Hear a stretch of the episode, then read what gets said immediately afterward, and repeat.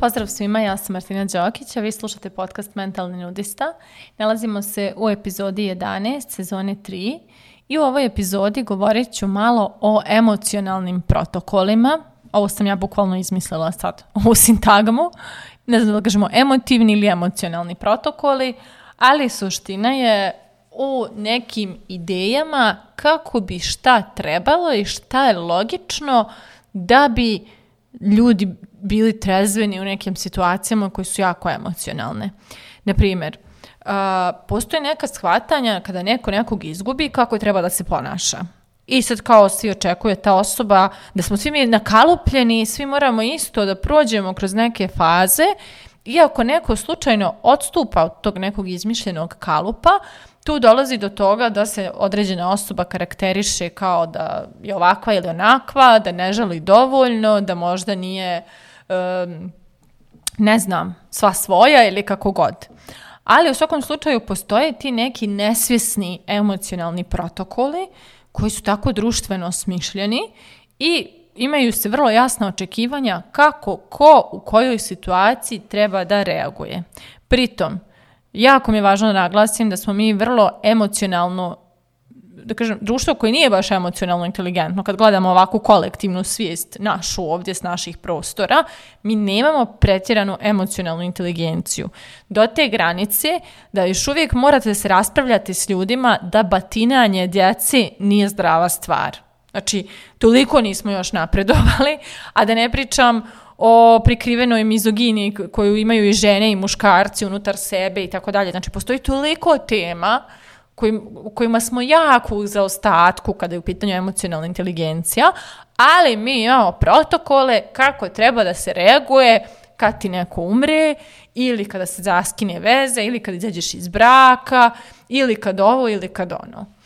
I ti emocionalni protokoli su da vam, ono, da budemo potpuno iskrena ovako iz svoje perspektive, jedan ogroman teret, zato što često ne možemo da odgovorimo na njih. Mi ne možemo prosto da imamo one emocije koje se očekuje od nas da imamo u datim trenucima i onda prosto ispadamo iz okvira očekivanja, što stvara još jedan dodatan teret na sve to s čim se neka osoba nosi u toj situaciji u kojoj se nalazi.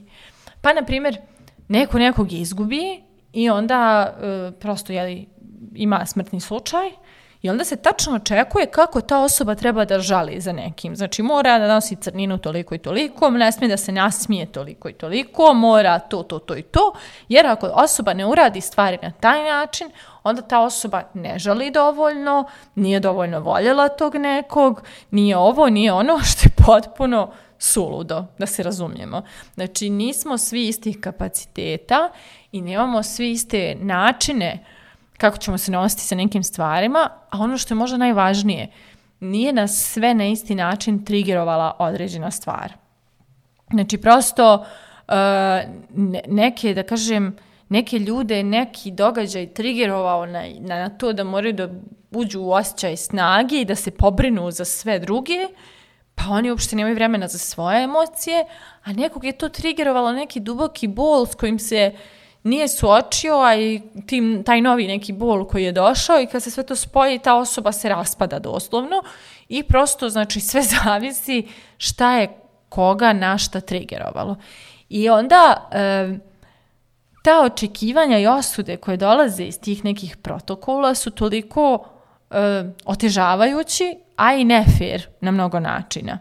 Isto tako postoji ti neki emocionalni protokoli kao, ne znam, ako si bio u vezi mjesec dana, kao ne možeš da patiš, kao to je ništa, to je, to je sitnica, ali ako si bio ne, godinu, dve, onda moraš da patiš ili čak ako si izašao iz duge veze koliko mora da prođe vremena pre nego što ti uđeš u sledeću vezu ili, znači toliko postoji nekih tih, da kažem, emocionalnih protokola koji nisam ni sama sigurna, evo, na osnovu kojih kriterijuma su tačno nastali. Jer mi nismo psihološki, emocionalno osviješten narod da bismo mi uopšte mogli da diktiramo kako treba da izgleda neki proces pogotovo emocionalni proces. I onda recimo e, taj moment kao nelogično je da neko ovoliko pati, a bio je s nekim samo ovoliko. To nema veze. Možda se ta osoba po prvi put nekome otvorila na taj način i, i dala neku svoju ranjivost koju ranije nije, pa je taj bol zato veći. A neko je mogao s nekim da bude sedam godina u vezi da se ne otvori toliko i da prosto ne, ne osjeti, da kažem, toliku konekciju, pa ni nema potrebe da toliko pati. Prosto ne, ne osjeća potrebu da pati toliko. Isto recimo, ovaj, e, kod toga posle koliko vremena nešto je ok ili nije. To za veze mi je genijalno. Mislim, genijalno pod navodnike. Naprimjer, ako je neko bio u vezi toliko i toliko, posle koliko vremena je u redu da on uđe u sledeću vezu? Pa sve zavisi, mislim, mi ne znamo kakva je ta veza bila. Možda je ta veza pucala po šavovima već godinama, pa na dan kad je prekinuta, to je sve već odavno bilo gotovo i prazno i rečeno i otpačeno, pa prosto raskid je bio samo neki, da kažem, finalni ono, moment završetka svega toga, a možda je, pa ono, osoba prosto odlazi odatle uz da kažem, ostaviš mali neki put da pređe, da to prežali i proživi i može dalje. A može se desiti da je ta veza stvarno u trenutku kad je raskinuta tada doživjela najveći taj moment suočavanja sa svim šta nije funkcionisalo i onda naravno osobu čeka neki duži put da sve to iscijeli i onda u skladu s tim može da jeli, ulazi u neke dalje odnose. Ali cijela poenta nije ono što vidimo uh, jedina referentna tačka da zaključimo kako neko treba da se ponaša vezano za nešto. Isto, majke, djeca, rođenje. Otišla u kafić posle tri dana, nije izvela dijete četiri mjeseca. Znači, toliko ima isto tih nekih ideja kako žena treba uh, da, da se ponaša od trenutka kada dobije dijete i da li je uopšte u redu da se ona druži, ima društveni život, a tek je novopečena majka i tako dalje.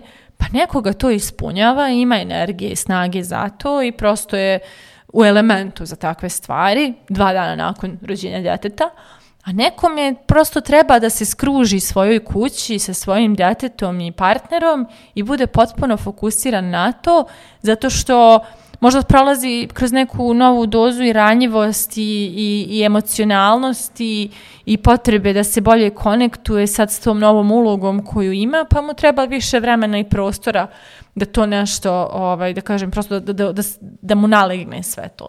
Tako da nekako vrlo je tu individualno kako se ko osjeća i s čim je ko u stanju da se nosi. E, isto, vrlo individualno na šta nas je nešto trigerovalo. Ja imam lični primjer svoj, znači spominjala sam vam prijatelja koji je umro prije dvije godine sad već. Znači, on kad je umro, ja sam upala u depresiju, a njegov brat blizanac se nosio, ono bio je vrlo snažan i, i konstruktivan i bavio se cijelom porodicom i svašta nešto. I on prosto očekivalo bi se vjerojatno da bude obrnuto, jel? Da on bude taj koji će da upadne u depresiju i da se raspada na tom situacijom, a ne ja koja nisam ni bila toliko bliska, mislim, ne, ne, nemoguće biti bliži nego što je on bio bliži s njim, ali kao očekivalo se možda da od njega da on bude u depresiji, a od mene da ja budem cool, a u stvari desilo se obrnuto, jer je mene ta situacija trigerovala na neke moje teme i mislim temu depresije i temu svega nečega što sam ja nosila u sebi veći dio života. Znači njegova smrt je u meni to sve probudila i suočila me s nekim mojim demonima i zato sam ja reagovala možda pretjerano za neke ljude, a s druge strane on je imao svoj trigger u tome uh, on je ušao neke svoje brige šta će dalje da bude s porodicom i fokusirao se na to pre nego što je uopšte došao u kontakt sa svojim emocijama. Tako da nekako to je sad vrlo, vrlo individualna stvar šta će ko da osjeti u kom trenutku i na šta će ko da bude spreman. I generalno jako je e, nekorektno i nehumano uh, od, pred ljude stavljati neke emocionalne protokole i zahtijevati od njih da se tih protokola drže. Često sam slušala i one situacije kao neko mu je umro pre ne znam koliko, a on se smije posle 5 dana. Pa zar nije divno što neko uspije da nasmije tu osobu i da joj nekako da malo i to, te strane života u tako teškom trenutku? A ne da mi na osnovu tog osmijeha sad presuđujemo da li ta osoba zaista pati. Jer svi mi koji smo prošli kroz patnje u životu, a svi koji ovo slušate ste sigurno za nekim nekad patili, živim ili, ili, ili mrtvim, Bože me oprosti, ali nekim koga ste izgubili ovako ili ko, kim ste prosto prekinuli odnos, svi mi znamo kako je kad se uveče legne i kad si sam sa svojim mislima, koliko te patnje zapravo izađe na površinu i onda kad je već čovjek među ljudima, zašto ne bi ono iskoristio to što mu to okruženje može ponuditi. Nekad je to utjeha, nekad je to smijeh, nekad je to stvarno neki, neki lijep trenutak i ne znači da taj jedan lijep trenutak kao treba da predstavlja išta o toj osobi, da li ona dovoljno pati ili je dovoljno voljela ili je dovoljno lojalna nekome koga je izgubila ili šta god. Znači to je samo ta vrsta razmišljanja je posljedica tih nekih emocionalnih protokola koje smo smislili i na osnovu kojih se sad negdje nesvjesno ravnamo i možda i sebe nekad krivimo ako se ne držimo tih protokola. I to ja isto za sebe mogu da kažem. Bilo je puno situacija kada sam mislila da, da nije u redu da budem ovoliko emotivna oko ove teme, jer ja nisam ne znam, dovoljno dugo bila u tom odnosu ili nisam dovoljno bliska s tom osobom ili nisam ne znam šta i onda s te strane kao e, nemam kao nemam pravo da se osjećam ovoliko loše. Ali dobro, možda u meni postoji nešto što treba da se izrazi sada i sad kad, kad se desila ta neka situacija, otvorila se i ta prošla rana i ova nova i sad iz mene izlazi sva ta emocija. Možda ja imam puno veću empatiju pa me malo više boli to nego nekog drugog. Možda prosto, eto, možda, možda sam u većem kontaktu sa svojim bolom i tugom pa mogu da ih izrazim odmah ili nemam možda sramotu da ih izrazim za razliku od nekih ljudi. Tako da ja sam često sebe krivila za neke svoje emocionalne reakcije koje odstupaju od tih protokola, a u stvari u nekom trenutku sam shvatila ne, ne, ne postoje protokol, izmišljeni su.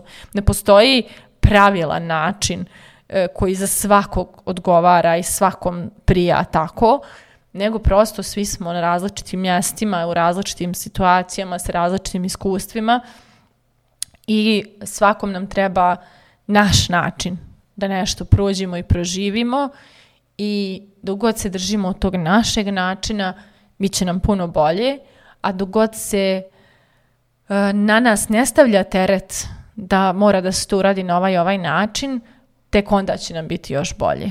Tako da, moje pitanje za kraj ove epizode je da li se vi držite tih emocionalnih protokola, bilo da druge prosuđujete na osnovu toga ili bilo da sebe krivite u skladu s tim, ili ste možda e, dali sebi dozvolu, a onda i drugima, da na svoj način prolaze kroz neke situacije.